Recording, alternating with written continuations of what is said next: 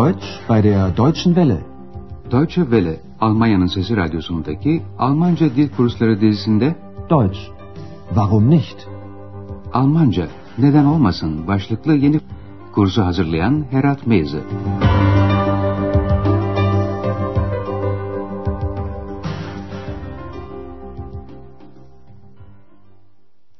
İyi günler sevgili dinleyenler. Bugün Almanca dil kursumuzun dördüncü bölümünün üçüncü dersinde sizleri Brandenburg eyaletine davet ediyoruz. Brandenburg, 1990 yılından bu yana Federal Almanya'ya ait olan beş eyaletten biridir. Biliyorsunuz 1990 yılında Almanya Federal Cumhuriyeti ile Demokratik Alman Cumhuriyeti 40 yıllık bir bölünmeden sonra yeniden bir araya geldiler. Bugünkü dersimizin başlığı şöyle. Brandenburg, Wasser, Sand und Kartoffeln. Türkçesi, Brandenburg, su, kum ve patates. Gelin şimdi birlikte Andreas'ın röportajını dinleyelim ve Brandenburg eyaletine doğru bir geziye çıkalım.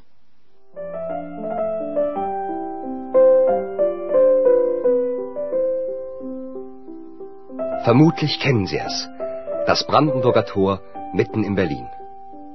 Und Berlin liegt mitten in dem Land Brandenburg. Dieses Land möchten wir Ihnen heute vorstellen. Reisen Sie mit uns durch Brandenburg. Evet, işittiğiniz gibi Andreas sizleri Brandenburg eyaletini birlikte gezmeye davet ediyor. Reisen Sie mit uns durch Brandenburg. Land sözcüğü burada eyalet anlamına geliyor. Dieses Land möchten wir Ihnen heute vorstellen. Berlin kenti Brandenburg eyaletinin ortasında. Und Berlin liegt mitten in dem Land Brandenburg. Orta yerinde Berlin gibi bir kent bulunduğu için Brandenburg eyaletinin coğrafi konumu çok elverişli sayılıyor. Lage sözcüğü konum, yer anlamına geliyor. Şimdi Berlin'in Brandenburg açısından önemini daha dikkatlice inceleyelim. Konuşmaları dinlerken uluslararası sözcüklere dikkat etmeyi unutmayın.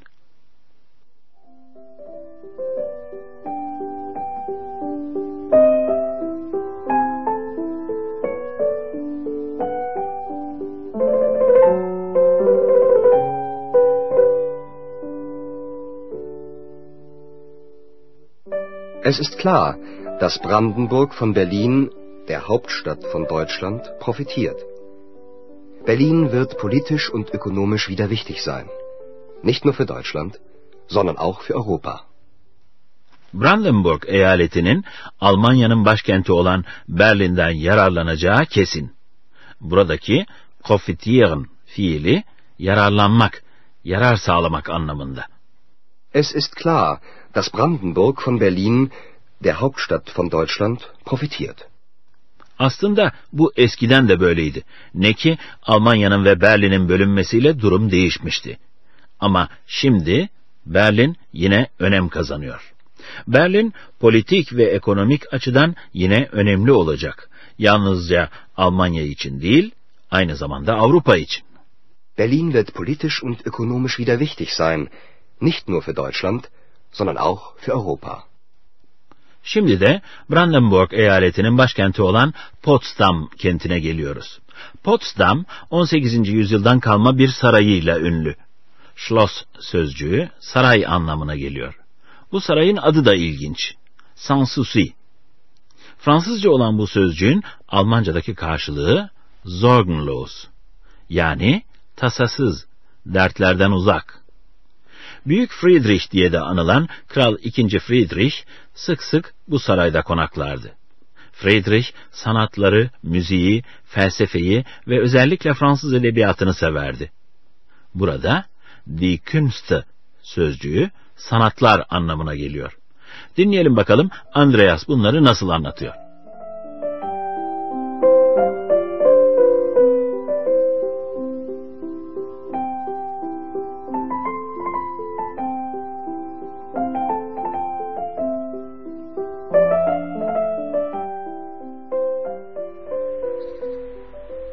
Wir sind jetzt in Potsdam, der Hauptstadt von Brandenburg. Hier gibt es ein wunderschönes Schloss. Sanssouci heißt es. Das ist französisch und bedeutet sorgenfrei. Das Schloss ist aus dem 18. Jahrhundert, der Zeit von König Friedrich dem Großen. Er liebte die Künste, die Philosophie, die französische Literatur, die Musik. Er schrieb fast nur Französisch, lud Voltaire auf sein Schloss ein, er spielte Flöte und komponierte selbst. Kurz, ein Traumleben. 200 Jahre später gab es eine andere Traumwelt. Das Kino. In der Nähe von Potsdam, in Babelsberg, gab es große Filmstudios. Hier produzierte man viele berühmte Filme. Sarayın Fransızca olan adı Sanssouci, dertsiz, tasasız anlamına geliyor. Sans souci heißt es. Das ist französisch und bedeutet sorgenfrei. Saray 18. yüzyıldan kalma. O zamanki kral Büyük Friedrich tarafından kısmen kendisinin çizdiği planlara göre yaptırılmıştır. Das Schloss ist aus dem 18. Jahrhundert, der Zeit von König Friedrich dem Großen. O zamanki birçok kral gibi 1712 ile 1786 yılları arasında yaşamış olan Büyük Friedrich de bazı savaşlar yapmıştır. Ama aynı zamanda Berlin'i aydınlanma çağının merkezi haline getiren bir filozof, bir edebiyatçıdır. Andreas, kralın bu yönüne işaret ediyor. Sanatları severdi. Felsefe, Fransız edebiyatı, müzik. Er liebte die Künste, die Philosophie, die französische Literatur, die Musik. Büyük Friedrich'in Fransa'ya sevgisi öyle yüksekti ki mektuplarını ve kitaplarını Fransızca yazmıştı. Fransız filozofu Voltaire'i özellikle beğenirdi. Voltaire, üç yıl Sanssouci sarayında konuk olmuştu. Er schrieb fast nur Französisch, lud Voltaire auf sein Schloss ein. Büyük Friedrich müziği de çok severdi. Flüt çalardı ve flüt konçertoları bestelemişti. Er spielte Flöte und komponierte selbst. Andreas özetliyor. Kısaca düş gibi bir yaşam. Kurz, ein Traumleben.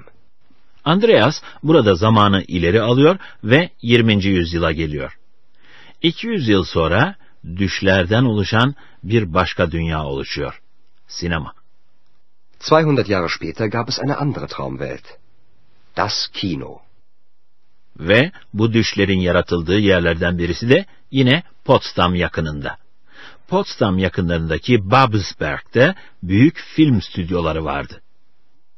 In der Nähe von Potsdam, in Babelsberg, gab es große Filmstudios.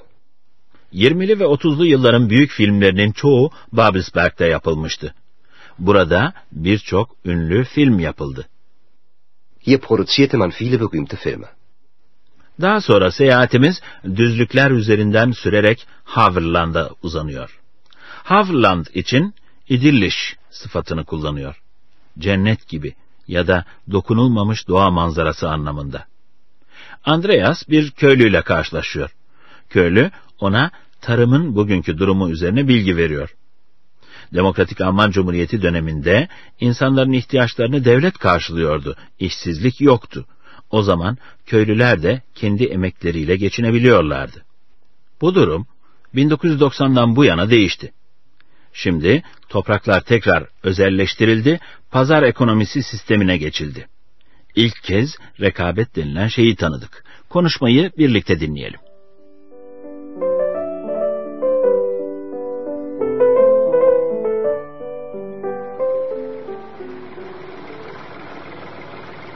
Äpfel, wunderschöne Äpfel aus dem Havelland. Möchten Sie nicht ein paar Äpfel? Ja, gern. Hm. Stimmt. Die schmecken gut. Schön ist es hier. Richtig idyllisch. Aber die Situation ist gar nicht idyllisch. Wieso? Viele Menschen in Brandenburg lebten schon immer von der Landwirtschaft. Zu DDR-Zeiten versorgte uns der Staat. Die Felder gehörten zwar dem Staat, es gab keinen Privatbesitz, aber wir Bauern konnten von unserer Arbeit leben. Seit 1990 ist das Land wieder in Privatbesitz und die Konkurrenz ist hart. Andreas, Havelland'ın güzel manzaralarını övüyor. Burası çok güzel, cennet gibi. Schön ist es hier. Richtig idyllisch. Ama Brandenburg'da pek çok insanın geçimini oldum olası tarımdan sağladığı düşünülecek olursa bu cennet gibi görünüş aldatıcı. Viele Menschen in Brandenburg lebten schon immer von der Landwirtschaft. Demokratik Alman Cumhuriyeti döneminde üretim kooperatifleri vardı. Toprak köylüler tarafından büyük çaplı işletmelerde ortaklaşa işlenirdi. Köylü Andreas'a şöyle diyor. DDR zamanında geçimimizi devlet sağlardı. Zu DDR-Zeiten versorgte uns der Staat. 1947'de Demokratik Alman Cumhuriyeti toprağı devletleştirmiş. Gerçi topraklar devlete aitti, özel mülkiyet yoktu. Die Felder gehörten zwar dem Staat, es gab keinen Privatbesitz. İki Almanya'nın birleşmesinden sonra topraklar yeniden özelleştirilerek satılmış. Seit 1990 ist das Land wieder in Privatbesitz.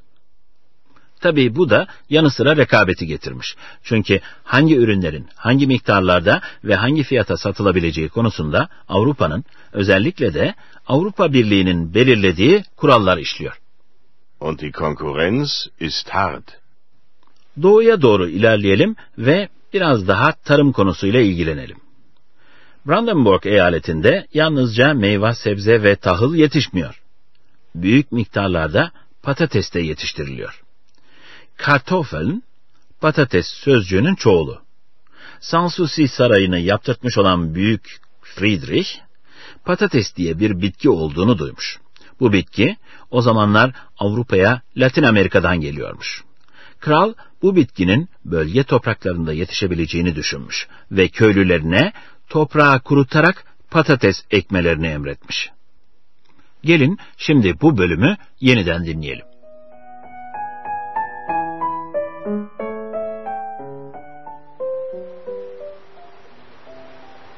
Und schon sind wir an der Oder. Da passierte vor über 250 Jahren Folgendes. Der König Friedrich der Große befahl damals den Bauern, dass sie Kartoffeln anbauen sollten. Das musste er befehlen, weil damals niemand die Kartoffel kannte. Aber bevor es soweit war, musste man das Land trockenlegen. Das dauerte sechs Jahre. Sonunda patatesin ne hale geldiğini biliyorsunuz. Almanların en sevdiği şey. Ama bundan 250 yıl önce Büyük Friedrich'in patates ekilmesini emretmesi gerekiyordu. Befehlen, buyurmak, emretmek. Der König Friedrich der Große befahl damals den Bauern, dass sie Kartoffeln anbauen sollten.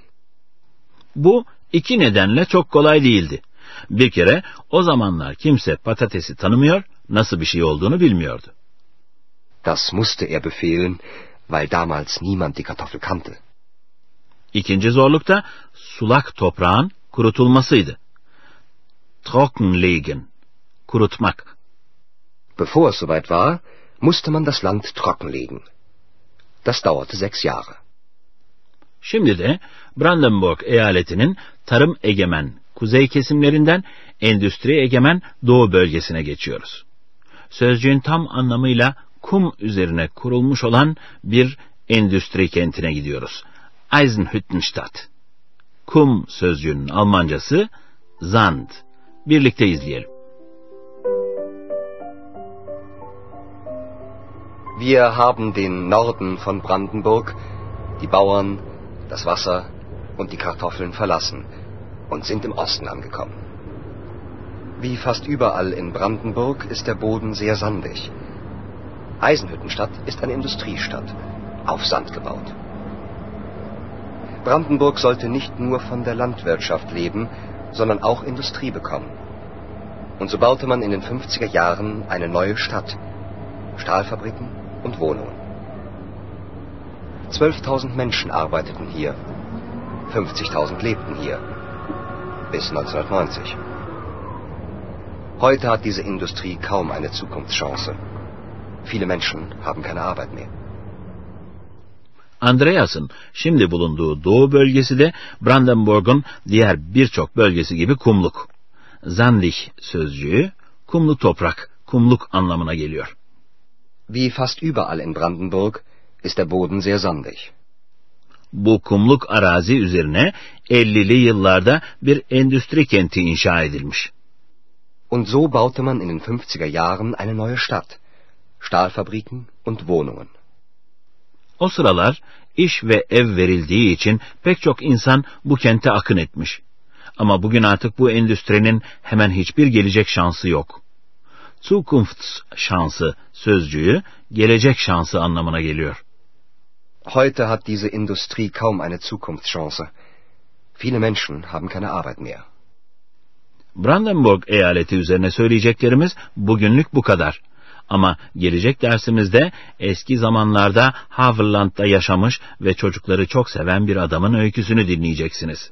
Gelecek dersimizde yeniden buluşuncaya kadar esen kalın sevgili dinleyenler. Deutsch, Warum nicht? adlı radyo ile Almanca kursunun bir dersini dinlediniz. Yapım Deutsche Welle Köln ve Goethe Enstitüsü Münih.